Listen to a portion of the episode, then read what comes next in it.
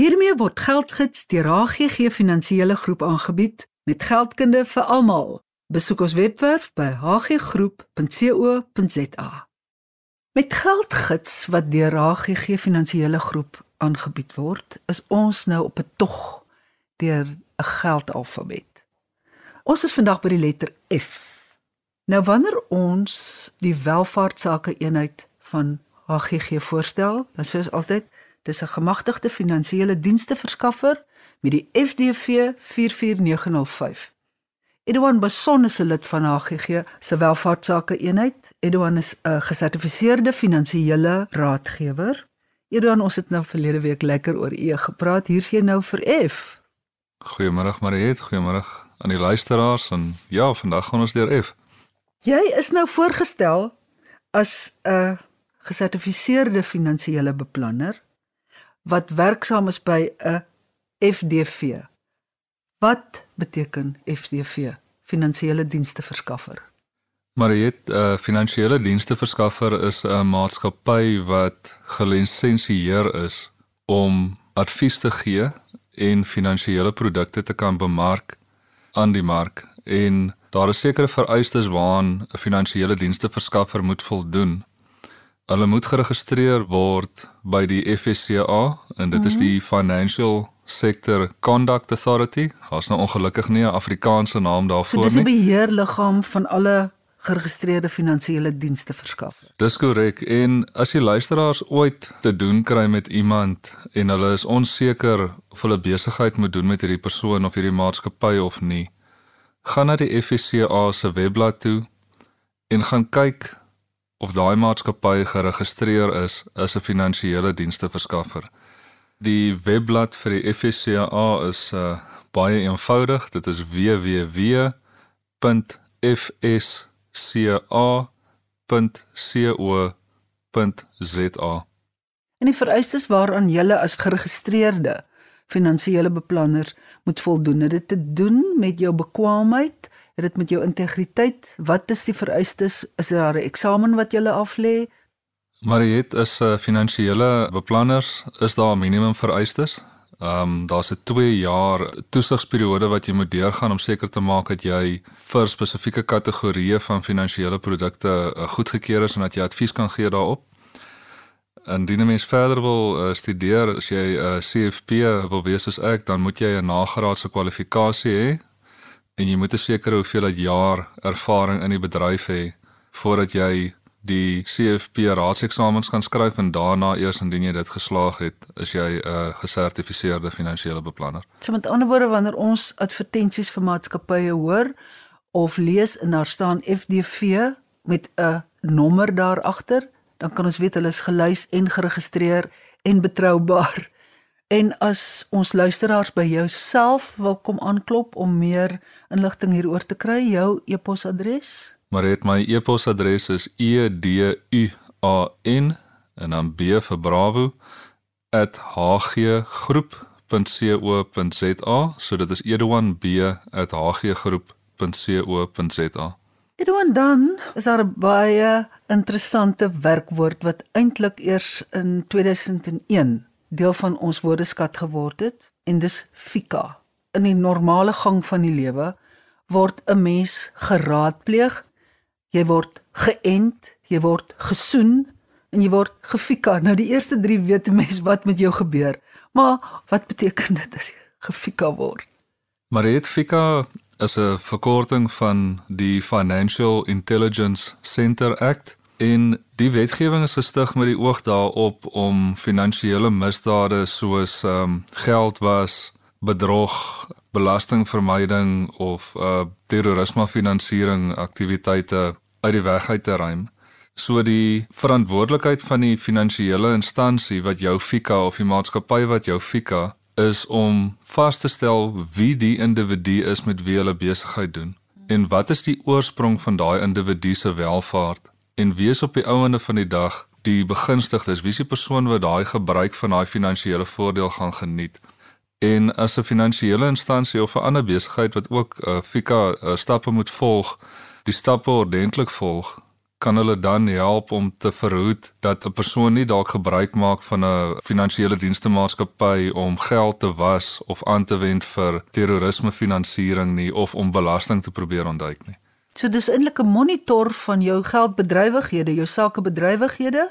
Ja, dit is korrek en dit skakel in by die Financial Action Task Force. Mm en dit is maar internasionale wetgewing wat daar gestel is ook maar om terrorismefinansiering en geldwasery teen te werk in die wêreld. Gestel jy gee vir my 'n geskenk uh van 80000 rand. Is daar 'n perk op hoeveel jy vir my as 'n geskenk mag gee wanneer dit by belastingbetaling kom? Wanneer jy verwys nou is donasiesbelasting en uh, 'n uh, donasie aan 'n ander organisasie of 'n individu bo 100 000 rand kan 20% uh, belasting ontlok. Uh, daar is natuurlik sekere vrywarings. 'n Man en 'n vrou kan onbeperkte donasies aan mekaar gee. Mm -hmm. Donasies aan uh, nuwensgewende organisasies kan natuurlik ook 'n baie groot belastingvoordeel inhou. Ja. Maar daarom ook uh, word daar perke op geplaas om seker te wees dat die individu of die besighede nie daai donasie afs voordeel van misbruik. die misbruik nie, dis korrek.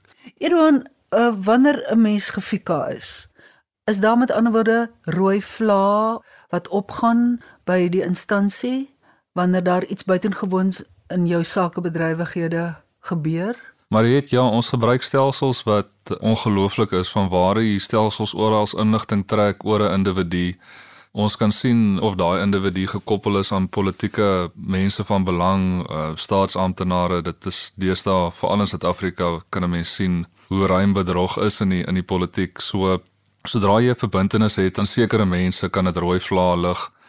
Indien jy sekere finansiële transaksies het, uh, kan daar rooi vlae aankom. Hmm. Indien die bedrag wat jy belê bo sekere waarde is, dan word dit ook beskou as 'n hoë risiko vir die finansiële instansie.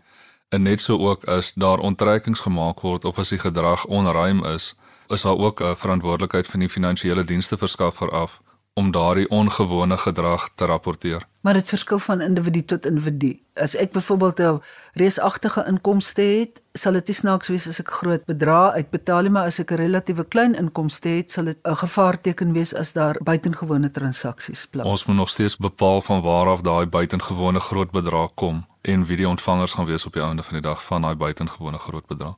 Edon en dan is daar woorde wat naby mekaar is: fiskus en fiskaal. Meeste van ons ken 'n fiskaal as 'n waterfiskaal of as 'n 'n soort voël. Wat is fiskus? Maar hierdie fiskus is mens kan amper sê dis die skatkis van die land. Dit is die leeg of vol. Op die oomblik is ons nog maar 'n bietjie leeg, maar dit is basies die som van die belastinggeld wat ingewin word deur die regering van die belastingbetalers af.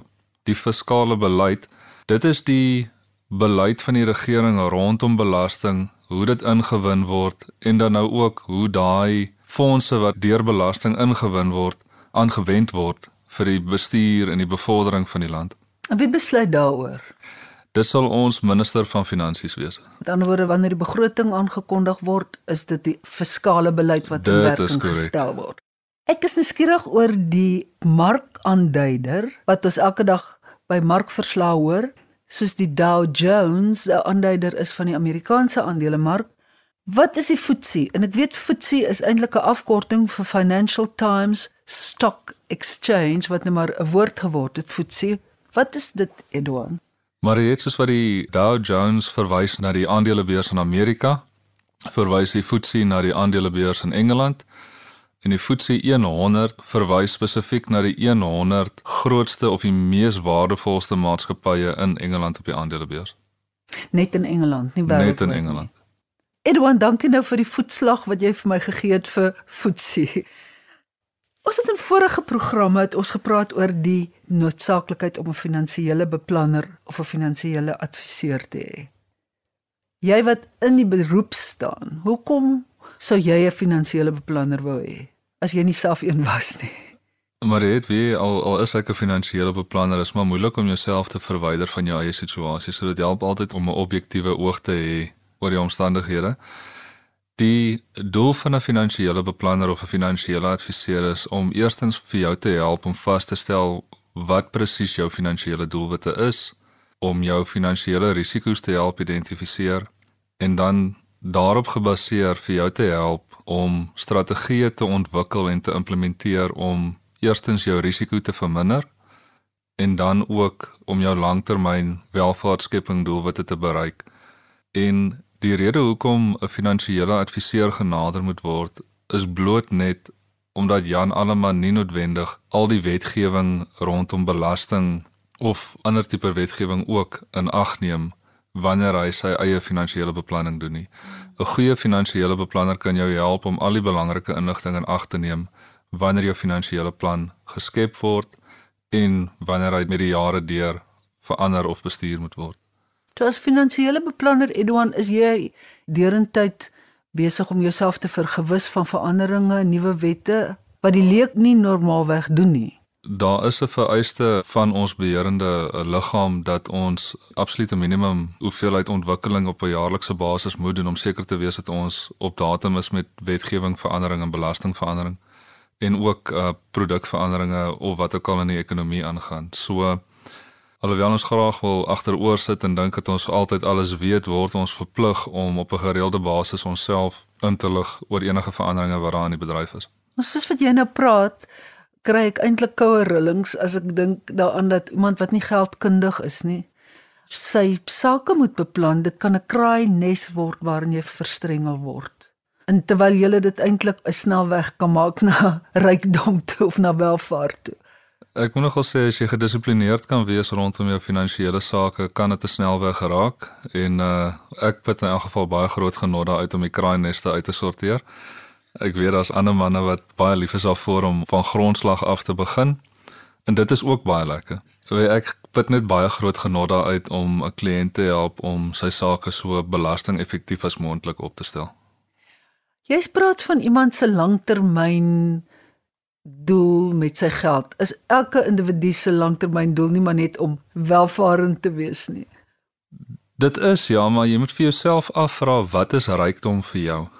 Hmm. Vir my kan rykdom wees om om die wêreld te kan gaan seil op 'n seiljag, vir iemand anders kan rykdom wees om die vermoë te hê om op 'n gereelde basis by sy kerk of 'n ander instansie in sy gemeente te kan help. So jou eerste vertrekpunt is om te bepaal wat welvaart is vir jou en wat jy gaan nodig hê om te kan doen wat jy graag wil doen. En daarvolgens vertrek ons dan in ons boustelselmatig soontoe. Want as 'n mens aan welvaart as sodanig as 'n begrip dink, dan dink jy altyd aan rykdom, maar welstand is as jy tereg sê al wil jy iets eenvoudigs net elke dag kan doen met dit wat vir jou beskikbaar is. En dit is korrek. En as jy dit kan doen wat vir jou gelukkig gaan maak sonder om jouself of jou familie onder finansiële druk te plaas, dan het jy in alle eerlikheid uh, finansiële welvaart. Eduan baie dankie vir jou kundigheid. Dis elke keer 'n geluk vir my. Ons sien mekaar dan by die letter G. Baie dankie. Baie dankie Mariet en baie dankie vir die geleentheid om te deel met die luisteraars. Geldgids word geborg deur HGG Finansiële Groep. Kontak ons gerus by info@hggroep.co.za of 021 851 2778. Dit maak nie saak hoe oud jy is nie. Die HGG Finansiële Groep stap die pad saam met jou.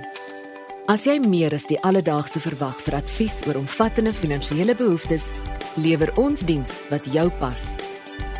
Ons bied innoverende en toekomsgerigte finansiële dienste met die klem op persoonlike kontak. Dis die verhouding tussen ons en jou wat tel. Kontak jou naaste kantoor vandag nog om uit te vind hoe jy die voordele van 'n HGG leefstyl kan geniet. HGG Welvaart is 'n gemagtigde finansiële dienste verskaffer.